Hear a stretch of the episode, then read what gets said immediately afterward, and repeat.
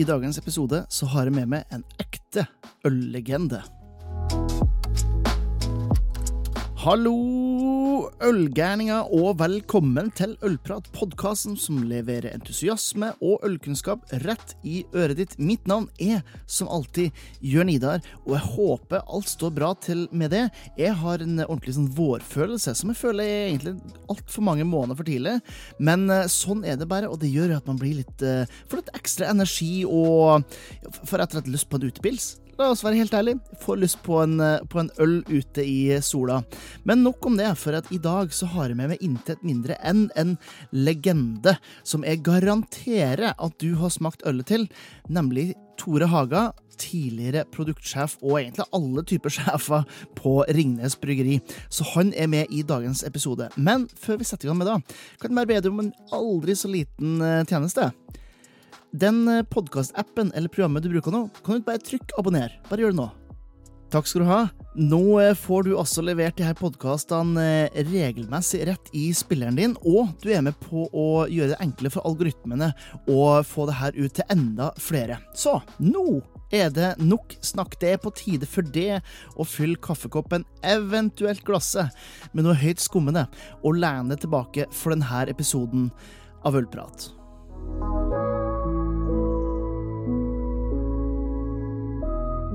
Da ønsker vi velkommen til eh, Ølprat, en herremann som eh, kanskje ikke alle har hørt om. Jeg vil faktisk påstå at de, de færre, færreste som drikker øl, har, har, hørt om han. Men de aller, aller fleste har smakt en av hans kreasjoner. Der skal jeg faktisk påstå at 99,9% av de øldrikkende menneskene i Norge har smakt en av hans produkter. Eh, Tore Hage, velkommen til Ølprat. Takk skal du ha. Eh, det er så mye spennende med det. Uh, så jeg vet ikke helt hvor jeg skal begynne hen. Men, men det, er, det, det, vanligste er å begynne med begynnelsen. Uh, litt om, om, det. Hvor, hvor, kommer det fra? Hva er liksom bakgrunnen din? Sånn personlig, ja, eller personlig? personlig. Nei, altså, jeg er jo født og oppvokst i Oslo, da. Mm. Eh, skryter jo gjerne om at det er Vålerenga. Nå, ja. nå ble jeg vokst opp på Etterstad, så er det litt juks. Men altså, gikk nå på Vålerenga skole, og, og, det var mitt uh, utgangspunkt uh, her i verden. Mm. Og så har jeg fortsatt å bo i Oslo, studere i Oslo, jobbe i Oslo. Ja. Og her er jeg fremdeles. Ja, holder ut. Ja, ja, ja. Eh, gikk veien din rett fra grunnskolen på Vålerenga og rett inn i ølbransjen, eller? Ja, altså Jeg vet ikke når jeg ble inspirert først, men faktisk min første eh, besøk på et bryggeri da, da var jeg en del av Guttemusikken, som det het jo den gangen, på Vålerenga. Og da var vi, det var i 1965. Da var vi på tur til München. Ja. Og så var det jo sånn at øh, hvis vi som korps spilte for et eller annet bedrift, ja. så fikk vi jo gjerne lunsj der. Ja. Da, gratis mat. Så hele denne gjengen med smågutter ble jo da geleidet gjennom Løvenbrøy, Mm. Bryggeriet. Det var ikke alle som forsto hva dette eh, gikk ut på. Nei, nei. Um, men, men, men eh, det, det, ble jeg imponert over. Mm. Det var liksom min første egentlig møte med ølet. da. Mm. Men så tok det jo mange år, og man kunne tro at det var en plan i det, men det var selvfølgelig mye tilfeldigheter. Av forskjellige veier så havnet jeg på, på en uh, hovedfag på mikrobiologi på mm. Universitetet i Oslo. Mm.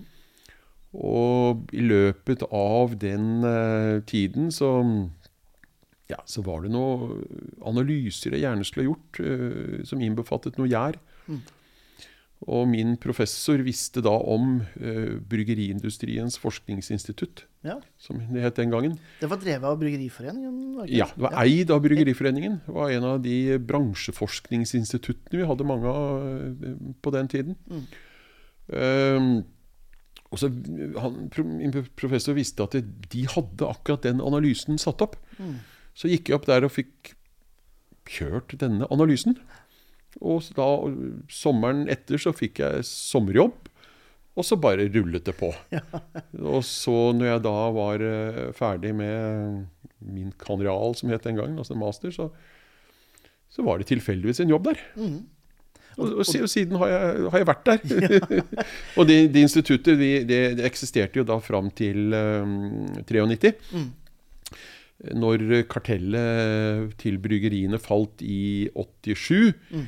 Så ville jo ikke bryggeriene samarbeide om et felles institutt lenger. Nei. Da skulle man jo ut og slåss. Ja, ikke sant. Og da, da falt jo uh, denne instituttet sammen. Og så ble, ble, jeg jo da kjøpt opp av Ringnes. Mm. Det, eh, ja, det er jo egentlig litt interessant, det der. Mm. Eh, jeg har ikke tenkt på det sånn, men, men, du som var med på det, fikk oppleve det.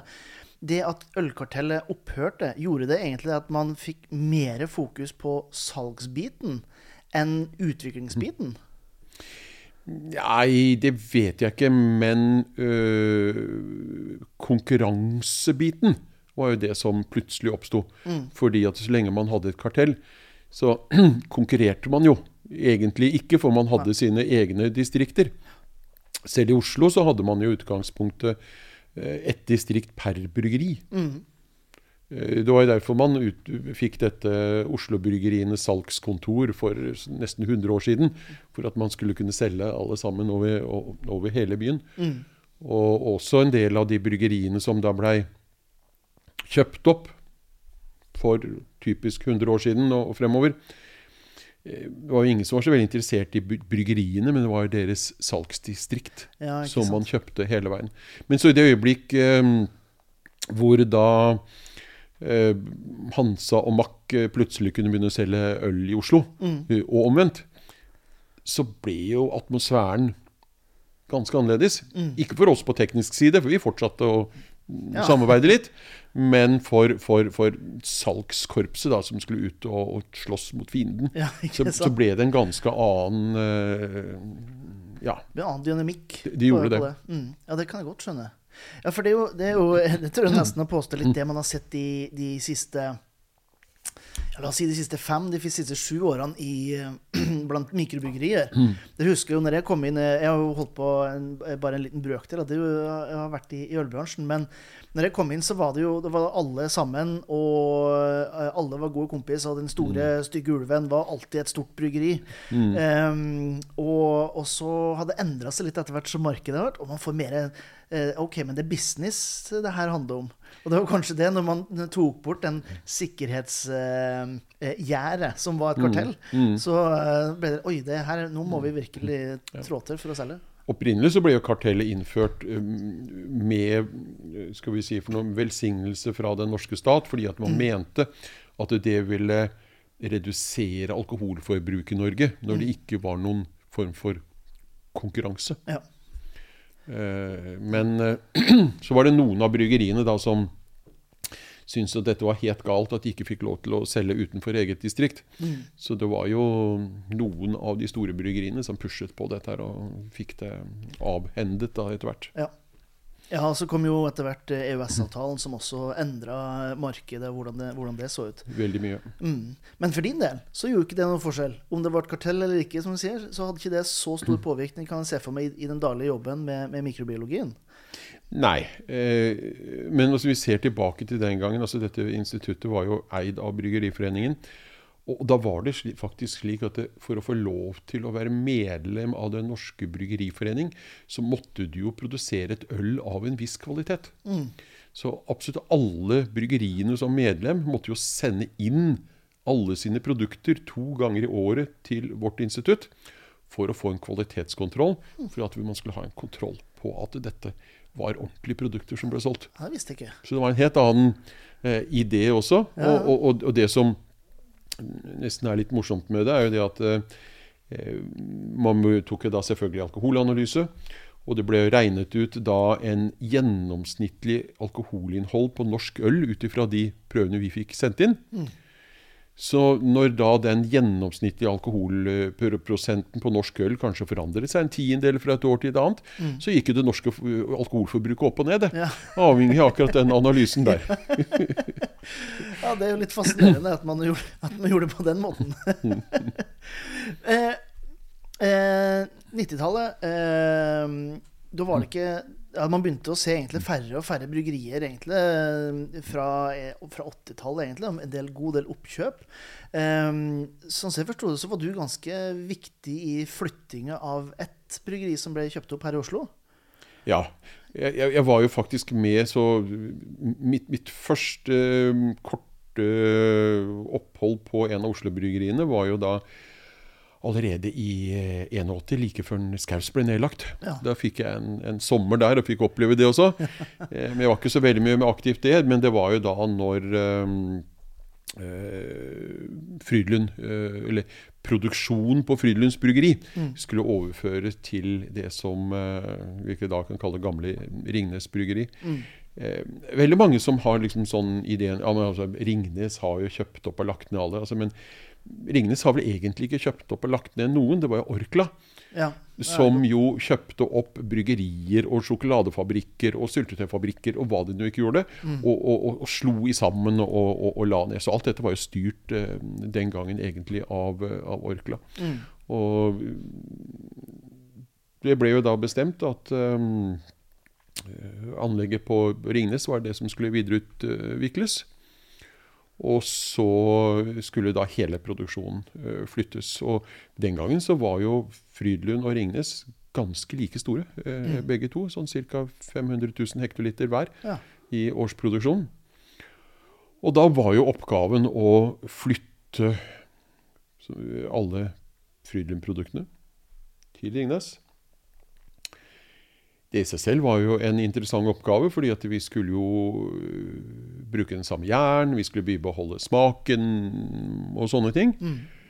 Men det som kanskje var en enda større utfordring, var jo det at uh, hvordan få til å produsere dobbelt så mye øl på det samme anlegget.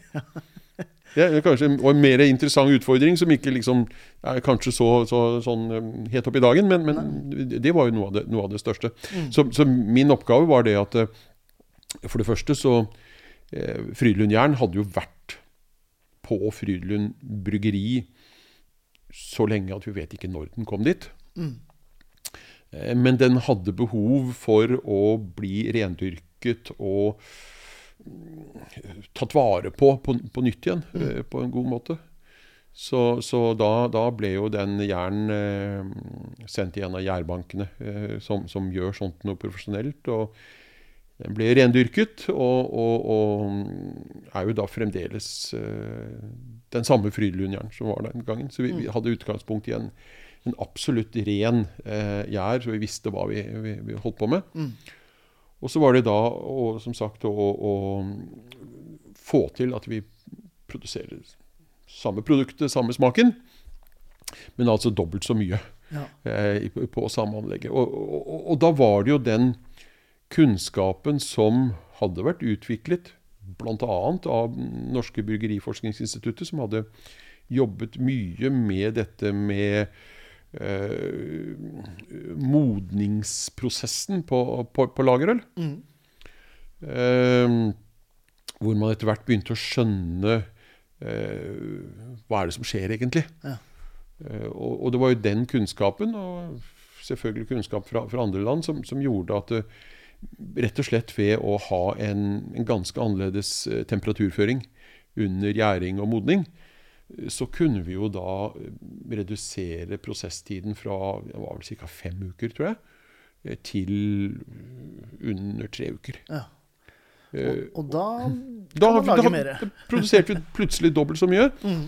Uh, og jeg, jeg, vil jo da påstå at um, selv om noen på andre siden av fjellene som hadde veldig store problemer med noen noe romkjølte fjellhuler osv. Og, så videre, og brukte lang tid på å bli ferdig, mm. så vil jeg påstå det at vi, vi, vi, vi fikk oss et bedre produkt. Mm. Men det er jo litt interessant, da. For at uh, du, du, er da i en situasjon der i, i, teorien så har man jo dobbelt opp av alt. alt. Altså Én ting er at man har, man har to bryggkjeler på to forskjellige mm. lokasjoner og gjæringstanker, men man har òg to forskjellige bryggmestere og mm, mm. bryggeriansatte. Og sånt. Når man er på den størrelsen eh, sånn som, eh, sånn som Fryden og Ringnes var, ca. like store, er det stor forskjell på på en måte mentaliteten og drivkraften blant de ansatte? Nei, altså Nå hadde disse to bryggeriene som sagt samarbeidet veldig lenge. Mm. Eh, på mange måter, og, og, og det var ikke noe sånn eh, stor forandring, egentlig. Men, men jeg må jo si det at vi har fremdeles ansatte på nye Ringnes Bryggeri som identifiserer seg med eh, at de egentlig jobber på Frydlund. Ja. så, så, så, så, det er klart noe sånn, sånn, sånn, sånn henger igjen. Mm. Men, men eh, det var ikke den store eh, utfordringen, egentlig. Eh, Men det, er jo, det må jeg innrømme, det er jo en ting som jeg ser eh, hovedsakelig i store bryggerier, og Mm. ikke så mye små bryggerier. Men eh, det virker eh, det er Sikkert et par som blir sure når du hører det her hvis de jobber på mikrobryggerier, men det virker som det er nesten en enda større stolthet å jobbe for et stort bryggeri, sånn som Frydenlund og Ringnes, enn det er for et lite. Ikke at det ikke er stolthet i det, men, men det slår meg i hvert fall Jeg husker jeg, jeg traff en tidligere, en tidligere salgsansvarlig i Heineken for åtte-ti år siden, eh. Han jobba da i et, i et annet eh, bryggeri eh, i Belgia, og, og da sa han det bare at eh, Ja, men du vet, eh, Jørn Inar, at det er sånn at eh, eh, hvis man først har vært grønn, så er man alltid grønn innerst inne. Og da snakka han refererte han til grønnfargen da i Heineken. Den, det er jo en enorm eh, yrkesstolthet som, som ligger i, ja, og, i det. Ja, og, og også i og med at eh, For å foregripe historien litt, i dag er vi jo en eh, del av det store Carlsberg-konsernet. Og, og, og det ligger veldig mye stolthet, selvfølgelig, både i Carlsberg-navnet, i Ringnes, i Frydenlund. Det er noe som man. Ja, ikke, ikke minst. Det, nå er jo ikke Dals en del av Ringnes lenger, men, men, men allikevel. Eh, Ja, det, det er sånne ting som, som, som, som sitter i. Og eh, vi kan jo se nå når vi eh, endelig fikk lov til å relansere Skauspils eh, for ikke så altfor lenge siden, hvordan da etterkommerne til Skausmannen plutselig dukker opp Ja. med den enorme stoltheten at uh, Skausmannen var altså min, min, min oldefar. Og, Ja, ja. Det, det, det, det er masse uh, passion der, altså. Mm. Ja, men det er, er jeg skulle si jo eldre jeg blir, men jo lengre jeg holder på den bransjen her, så jo, uh, jo mer jeg tør jeg å påstå at øl er jo selvfølgelig gode smak og alt det her, men det er identitet og stolthet egentlig før eh, alt det andre. Ja, det er jo noen som påstår det at uh, øl og fotballag er jo egentlig de to tingene som en by er stolt av. det, henger, det, er- liksom noe, sånn- noe sånn passion på begge sider Ja, der. ja det, det er. Nesten fan, eh, på grensen til fanatisme innimellom også, uten at vi skal nevne navn på, eh, på noen fotball, Ja, ja, nei, nei, nei, fotballsupportere. altså, der, nei. nei da, jeg skal ikke nevne Vålerenga, i hvert fall. Nei, men nei, det, la oss ikke gjøre det. um, um, så du det, sørger for at eh, Frydenlund um, eh, får sin uh, myke overgang til produksjon i, i Ringnes.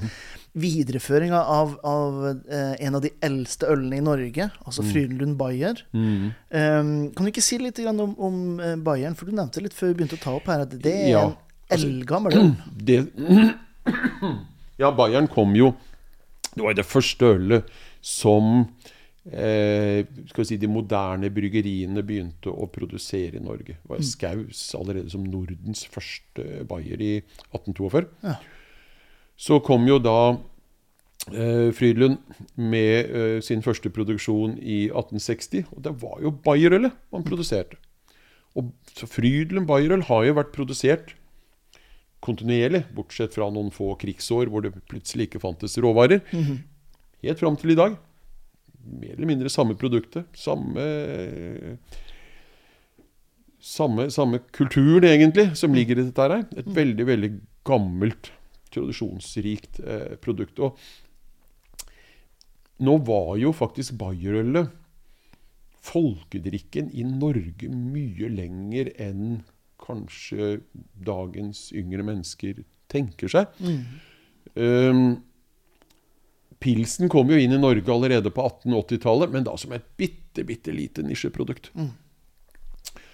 Eh, og det tok lang tid i Norge. altså vi, Hvis vi ser i, i, i Danmark, så, så var jo eh, pilsen på god vei fram allerede før første verdenskrig. Sverige, mellomkrigstiden.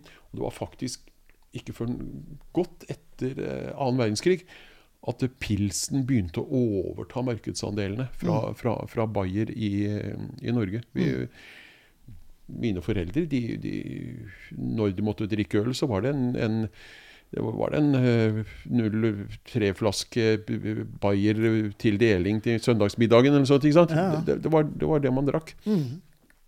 Så Bayer var det veldig mye tradisjon i.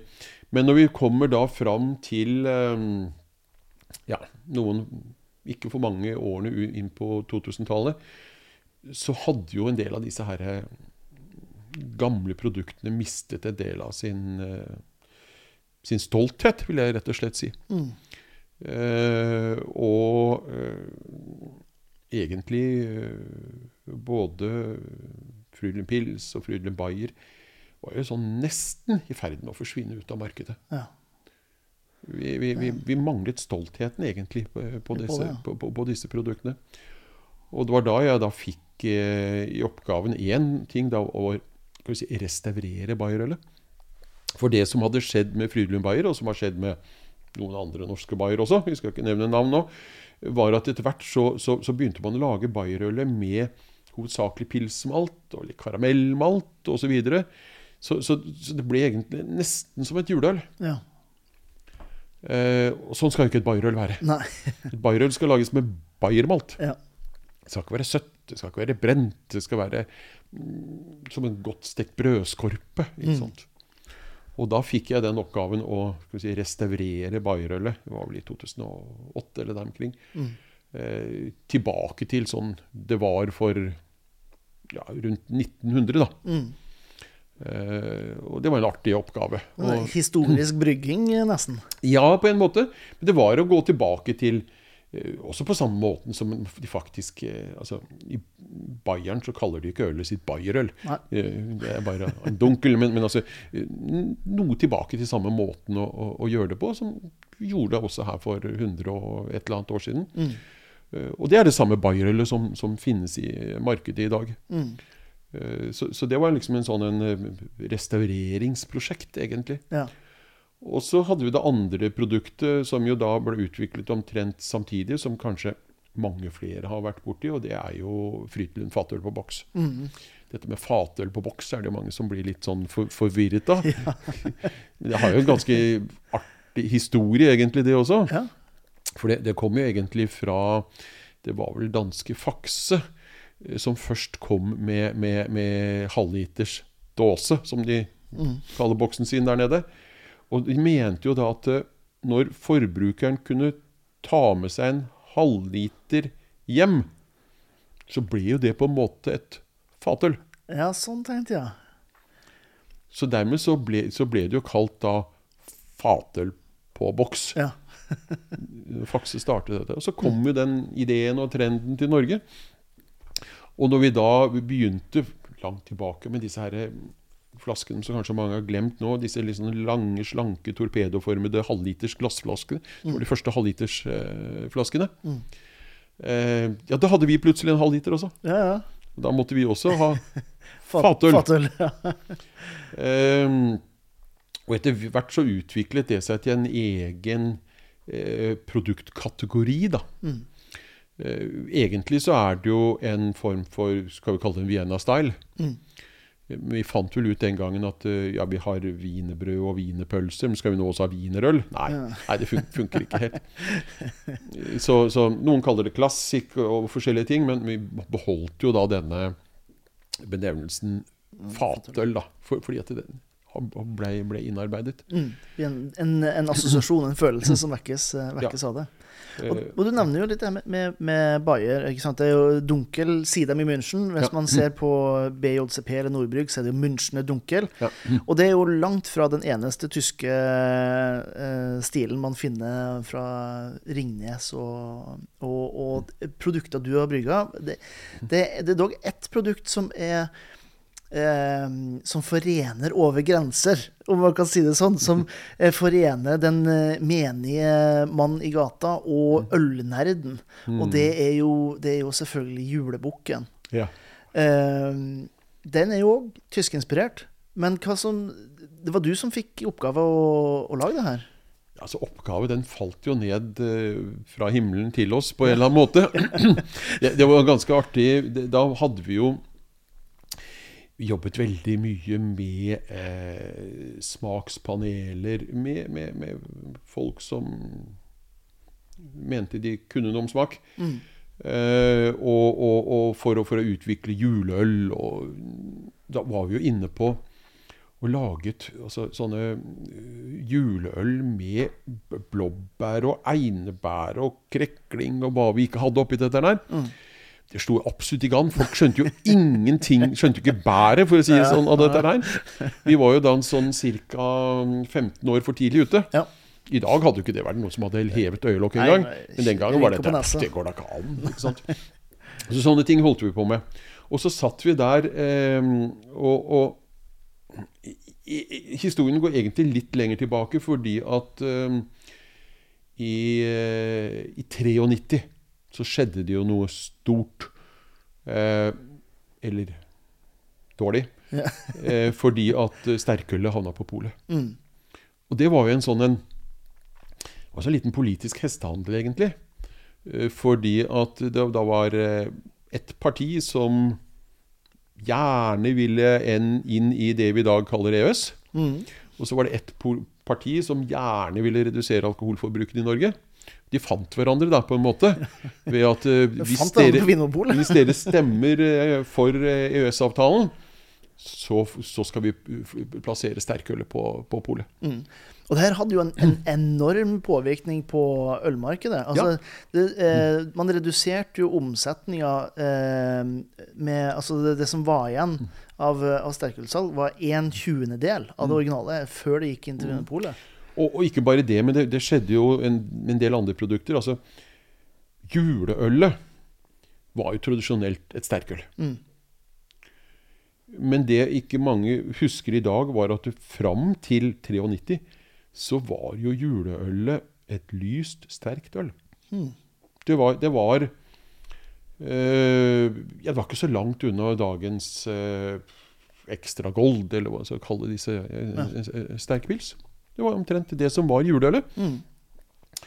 Uh, og, og, men når vi da plutselig måtte ha et 4,7-øl som juleøl Mm. Kunne jo ikke begynne å selge en pils. Det gikk ikke. Og det var da, da hele utviklingen mot det mørkere, søtere, masse karamellmalt startet altså i 93. Så den der gla- gradvise utviklingen vi har hatt til mørkere og mer søte, kraftige juleøl, det ble faktisk utløst av at eh, sterkølet havner på polet Mm. i, i, i, i 93. Vi kan takke EØS for, eh, Ja, det for, kan vi gjøre. julebok. Og, og så er det litt morsomt, da, fordi at det, et, et, um, de som faktisk holdt lengst på at eh, juleølet skulle være lyst, det var et bryggeri sånn langt oppe i mørket i nord eller et eller annet sted. For han som eide det bryggeriet den gangen, jeg tror han sa det at eh, vi har det så mørkt her oppe i nord, så i hvert fall juleølet skal i hvert fall være lyst. Jeg, jeg kjøper den. Ja, så, så, så, så eh, det var egentlig noe utgangspunktet. Men så hadde man jo da en øvre grense på eh, alkoholinnholdet på øl. Mm. Det var 7% Og den ble jo med inn på Vinmonopolet. Ja, ikke sant. Og det begrenset jo eh, en del eh, Mm. ting ganske kraftig. Det det. Og så var det jo da at eh, en, en, noen vise personer fant ut det at eh, Det var jo helt urettferdig at man skulle kunne selge vin med 12-14-18% mens øl skulle stoppe på 7 Mm. Så ble den grensen borte. Og da hadde vi dette, dette mm, smakspanelet hvor vi drev utviklet eh, juleøl med alle fine bæresmaker. bærsmaker. Og, og, og da satt vi jo der og Da var det faktisk eh, en annen viktig person i norsk eh, ølhistorie som da var leder for Pilsens Venner. Mhm.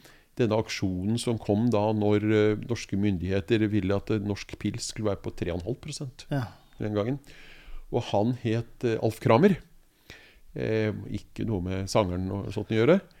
Eh, han kanskje var, og er kanskje som verdenskjent egentlig som Mr. Barista. Det var han som Ja, ja. innførte kaffekulturen i Norge. Ja, har vært ledende i liksom, barista-konkurranse verden over. Og, sånt, da. Han sa, det til, han satt jo der så Nå når denne grensen forsvinner, da må jo dere begynne, må dere lage det ordentlig sterkt nå, da. Mm.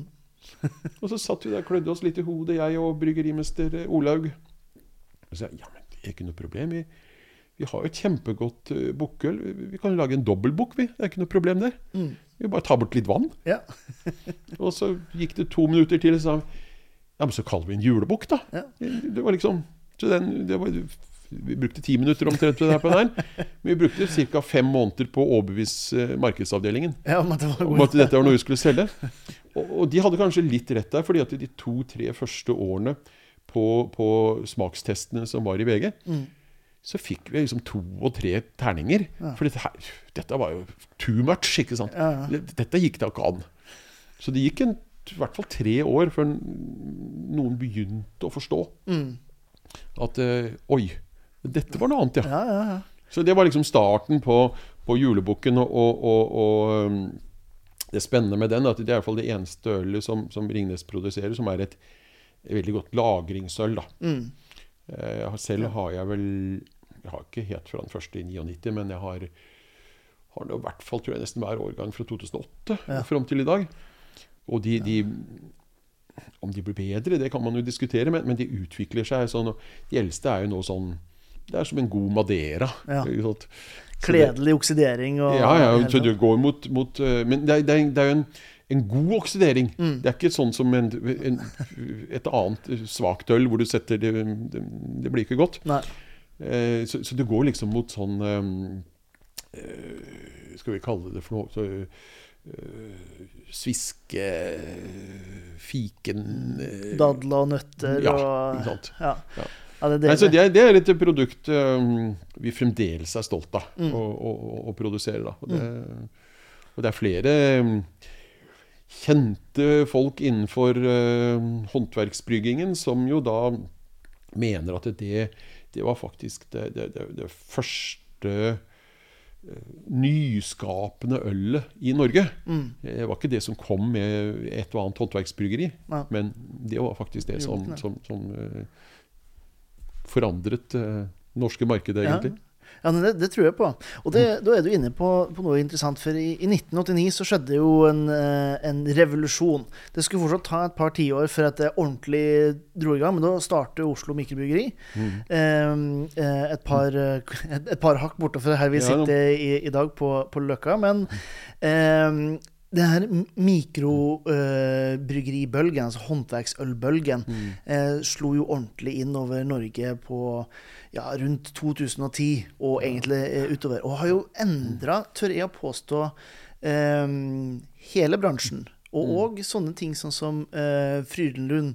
Eh, som jo eh, hadde fatøren, du hadde Bayern i hele tatt, men har nå sånn som Juice IPA, er mer eksperimentell og i hele tatt. Eh, dere jobber jo på en helt annen måte som et industribryggeri i forhold til et håndverksbryggeri. Kan du ikke si litt om altså, eh, eh, Nå skal jeg gjøre narr av et eh, bryggeri som la ut en video her litt før uka.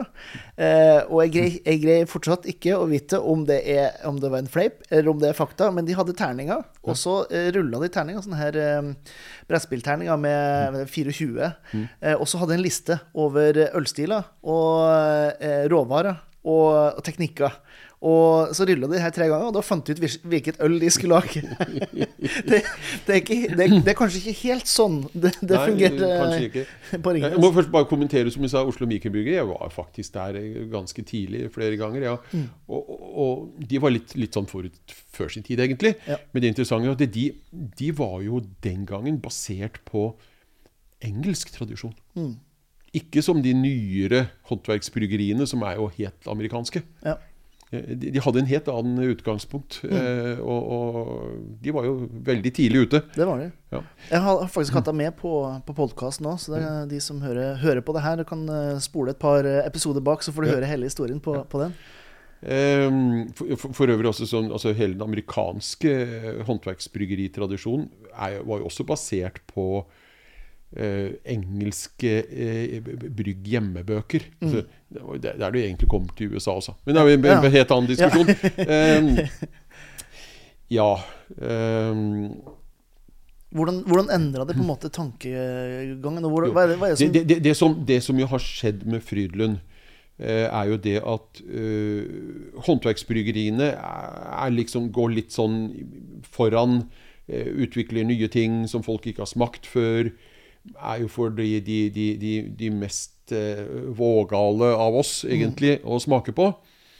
Og så har jo da industribryggeriene også hatt sine tradisjonelle pils og bayer osv. Og, så, så oppsto det egentlig et ganske stort hull mellom disse to markedene.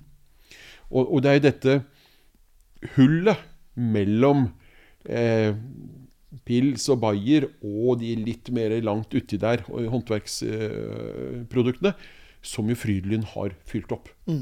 Så, så det har på en måte blitt spesialølet for menigmann. Og så har det på en måte blitt eh, eh, liksom vanlig øl eh, for, for nerdene. Ja. Så, så de, disse to gruppene mennesker møtes egentlig på midten eh, og, over, over en Frydenlund.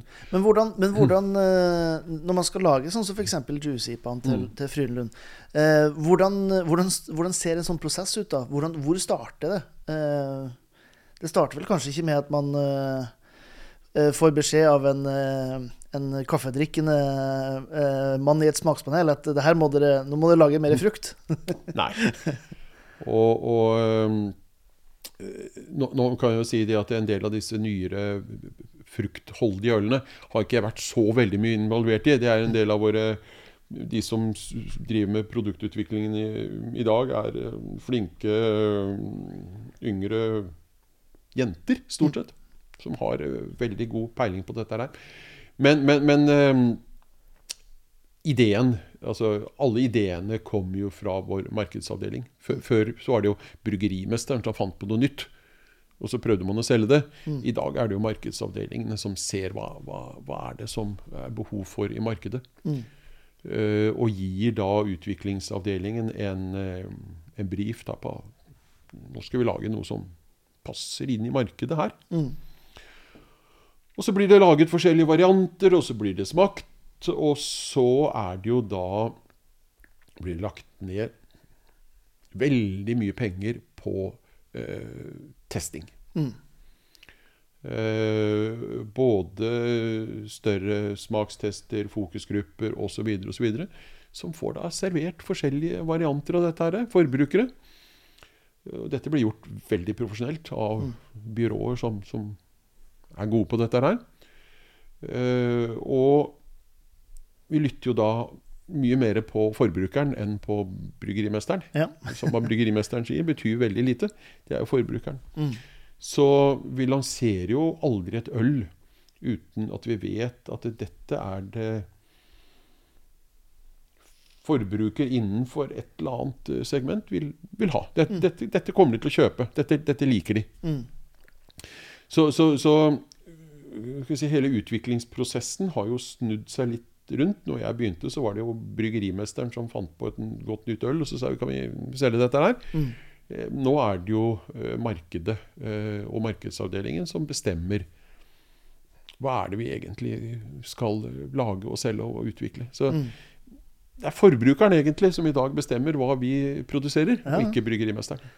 Det er litt, det er litt fascinerende. Jeg husker enda vi, vi var og besøkte det, jeg og, og Stian Staysman når vi skrev den første boka sammen.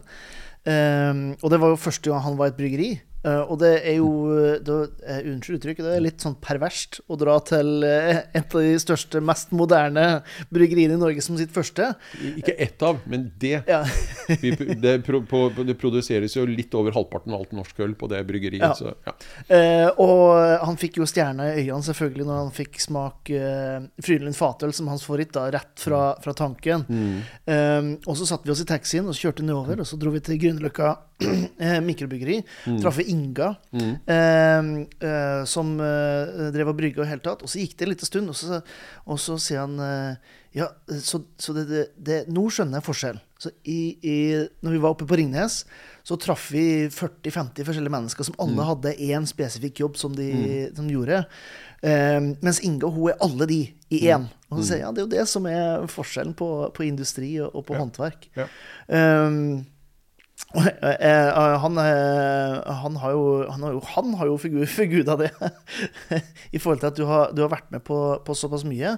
Um, og, og, nå Jeg vet ikke om det er trist å si det, men nå er det jo, er det jo over. Du pensjonerte det jo i, i, i fjor.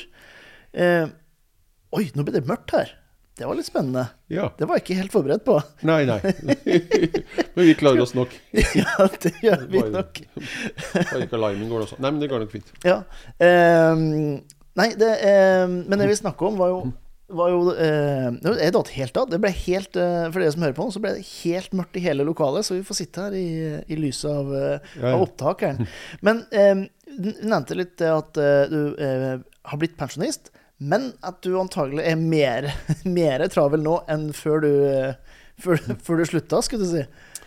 Ja, altså jeg er jo Eller har jo hele tiden vært opptatt av andre ting enn akkurat den eh, mikrobiologien i industribryggingen. Altså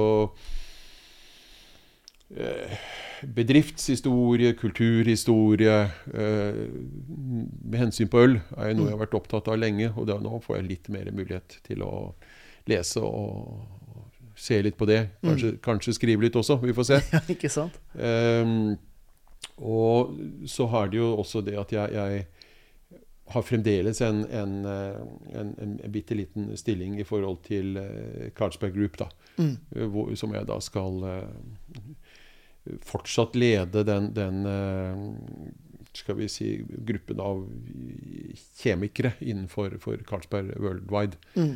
eh, sånn eh, en, en stund framover. Så jeg kommer nok ikke til å være helt ute av ølaktivitet en, en, en, riktig ennå.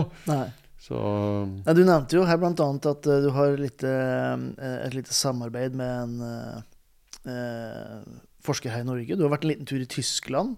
Du Ja nevnte noe, noe gotisk bryggeoppskrift. da. ja da, vi var en eh, Jeg, jeg eh, har jo samarbeidet litt om, om eh, Skal vi si Forskningen på, på, på bryggeriarkivene på, på Teknisk museum. Mm. Eh, hvor konservator Ingebjørg eh, jobber jo tett med dette arkivet. Og da har jeg fått lov til en gang imellom å være innom og se litt hva som egentlig står i disse eh, protokollene. Mm. Og det, det er jo noe som er veldig spennende Ja. å få lov til å være litt med på. Litt innblikk i, eh, Ja, i en historie som er forsvunnet, kanskje. ja, og plutselig så kommer jo disse menneskene frem på en litt annen måte da, når du, du, du ser hva de har skrevet og, Mm. og, og sånt noe. Og så, så har jeg jo da vært eh, kanskje litt i overkant eh, opptatt av altså han som eh, var Ringnes første laboratoriesjef, Mm. eh, dr. Sopp. Stemmer. Han Han startet jo hele si, gjæringsfysiologi Vitenskapen i, i Norge. Mm. Og det er jo de tingene jeg har jobbet med, med videre. Så der dr. Sopp la ned tre år i Ringnes, så har jeg lagt, lagt, lagt ned 30 Ja. på, det, på det samme. Så jeg har jo vært ganske mye interessert i, i, i hva han holdt på med. Og, og så der også. Ta, ta det litt videre, ja. Ja, skrevet litt om han og syns det er eh, veldig spennende å se på ene siden hvor fantastisk mye de egentlig forsto. Ut ifra de enkle redskapene de hadde den gangen til å undersøke noe. Men samtidig også alle disse tingene som de totalt misforsto. så, så er en ganske morsom eh, eh, tosidighet der, da. For Mm. du kan bli imponert over hva de fikk til. Og så får du liksom Ja ja, nei, det er ikke noe rart. De, de, de skjønte jo ikke hva, hva DNA var, nei. Nei. det er klart dette. Det sitter litt premissene på, på andre, Ja, andre hold, ja. ja, ja. Et veldig vanskelig spørsmål kanskje å, å, å vurdere. Men etter over 40 år eh, i, i ølets tjeneste, tør jeg faktisk å påstå, hva, hva, hva sitter du igjen med? Det er noe- kanskje litt det som er sagt, denne enorme utviklingen som har vært på disse, disse 40 årene. Mm. Eh, jeg driver nå og rydder i mine arkiver. Eh, og var forrige dagen gjennom et skap med noen hengemapper med en del eh, dokumenter sånn tilbake fra 80-tallet. Og, og da får jeg virkelig oppleve Du verden, hva er det som har skjedd i disse, disse 40 årene? Vi var jo sånn, I forhold til dagen i dag, så var vi jo nesten i steinalderen. altså. Ja. I hvert fall bronsealderen. Eh, og, og, og, så denne, denne enorme tekniske utviklingen, eh, også utvikling på vitenskap og forståelse av hva vi holder på med, den, den, eh, den, er, den er større, tror jeg, enn kanskje folk flest skjønner. Mm. Og selvfølgelig også nå gjennom la oss si, de ti siste årene at eh, øl er jo ikke øl lenger. Hele denne uh, utrolige utviklingen av ølprodukter uh, som, som har jo fått en helt annen bredde i dag enn Mm. den gang vi stort sett bare drakk pils og kanskje en bayer Ja. og et juleøl så har det jo skjedd voldsomt mye. Jeg, jeg, altså, teknisk utviklingen og vitenskapen osv. den har jeg klart stort sett å følge med på disse 40 årene. Mhm. Men altså denne utviklingen i alle mystiske, merkelige ølstiler som nå produseres i Norge, der har jeg gitt opp for lengst. Altså. Ja, man skal, man skal være Man skal ha litt tid til overs for å greie å holde tritt med alt, ja. Ja, og så, og så er det også sånn eh, Interesse for øl har jeg jo. Men eh, som jeg vel også sa, liksom, det å være industribrygger har litt sånn også vært min, min stolthet. Og jeg, eh, når noen spør om eh, ja, liksom, noen fantastiske øl, og hva er best, osv., så, videre, så pleier å sammenligne kanskje litt med altså, frimerker Ja. kan brukes til to ting. For postmannen betyr frimerke én ting. For han som samler på de mest sjeldne frimerkene, så betyr frimerke noe annet. ja god Jeg, jeg er postmannen, Ja. på en måte. Ja, den liker jeg. Den Ja, liker jeg. det er veldig, veldig bra, Tore. Eh, før eh, før skal, vi skal takke, takke for nå, så eh, må jeg jo først si at jeg setter veldig pris på at du har tatt deg tid til det her. Eh, jeg har ikke truffet det så mange ganger tidligere, men eh, hver gang så føler jeg at samtalen har vært litt for kort. Eh, og det hadde nok eh, det føler jeg vært Jeg føler vi, bare, vi har bare vært så vidt på overflaten, så, så kanskje vi, vi, vi tar en sånn runde som det her igjen ved en senere anledning. Men du slipper ikke unna det ene spørsmålet som jeg stiller alle som er med på denne podkasten her. Og det er rett og slett Hvis du kunne ha valgt en eh, god eh, øl sammen med noe god mat, altså en god øl- og matkombinasjon eh, nå, hva ville, du ha, hva ville du ha gått for? Altså sier man, man, man liker jo sine egne barn best, osv. Men, men, men for, å være helt eh, subjektiv og objektiv, så, så vil jeg si at det er det ølet som jeg kan, jeg kan drikke til hver type mat så lenge maten er god. Det er Frydenlund Bayer, altså. Mm. Det, de, de er liksom Det kan jeg ta til alt fra pinnekjøtt til wienerbrød. Eh, det, det, skal veldig mye til at du klarer å finne en mat som det ikke er godt til. Og som jeg har opplevd etter hvert nå Egentlig alt som har med lam å gjøre. Ja. Fårikål, pinnekjøtt, eh, påske, ja. lammet osv. osv. En, en Frydlund Bayer-øl til det? Altså, jeg, jeg er jo så, så enkle ganger sånn at jeg, jeg, jeg setter meg jo da drikker det istedenfor juleølet til julemiddagen. ja. Så, så for meg så er det liksom gå til ølet, ja. til mat. Egentlig uansett hva jeg skal spise. Mm. Ja, Klar oppfordring der. Uansett hva du skal spise, prøv det med en Frydenlund Bayer, så, Ja. så skal det mye til. Altfor for alt få som har smakt på det. Ja, men Veldig bra, Tore. Du, Da vil jeg bare si tusen takk for at du tok deg tid til å prate med meg. Veldig hyggelig. Og som du sa, det at vi har bare så vidt skrapp på overflaten nå. Mm. Det er altfor mye mer der. Ja, Jeg gleder meg allerede til neste prat. takk for praten nå, da. Tusen takk til Tore for det som var rett og slett en fantastisk givende ølprat. Og ikke minst, tusen takk til det som hører på. Eh, jeg hadde ikke hjerte til å dele opp denne episoden sånn som jeg vanligvis gjør, så jeg vil jo bare gjøre en aldri så liten reklame for Patrion min. Der er det et par herlige sjeler som er med og bidrar med et par kroner i måneden for å holde det her øltoget i gang, og bidrar da og får til gjengjeld tidlig tilgang til disse episodene. De får en ekstra bonusepisode hver måned, litt giveaways og i det hele tatt litt småsnacks som sendes i posten med jevne ujevne mellomrom. Så hvis du har lyst til å støtte denne jobben jeg prøver å gjøre for Norsk Øl, ta også gå i shownotesen eller gå inn på patrion.com slash ollprat og doner et par kroner i måneden, så setter jeg veldig stor pris på det. Noe du kan gjøre uten at det koster deg krone, er å gi denne podkasten en liten review på Apple Podcast. Det hjelper virkelig algoritmene å få enda mer ølprat ut til folket. Og uansett så setter jeg pris på at du husker kanskje noe av det viktigste når det kommer til det her øllivet, og det er nemlig det at livet er for kort for å drikke dårlig øl.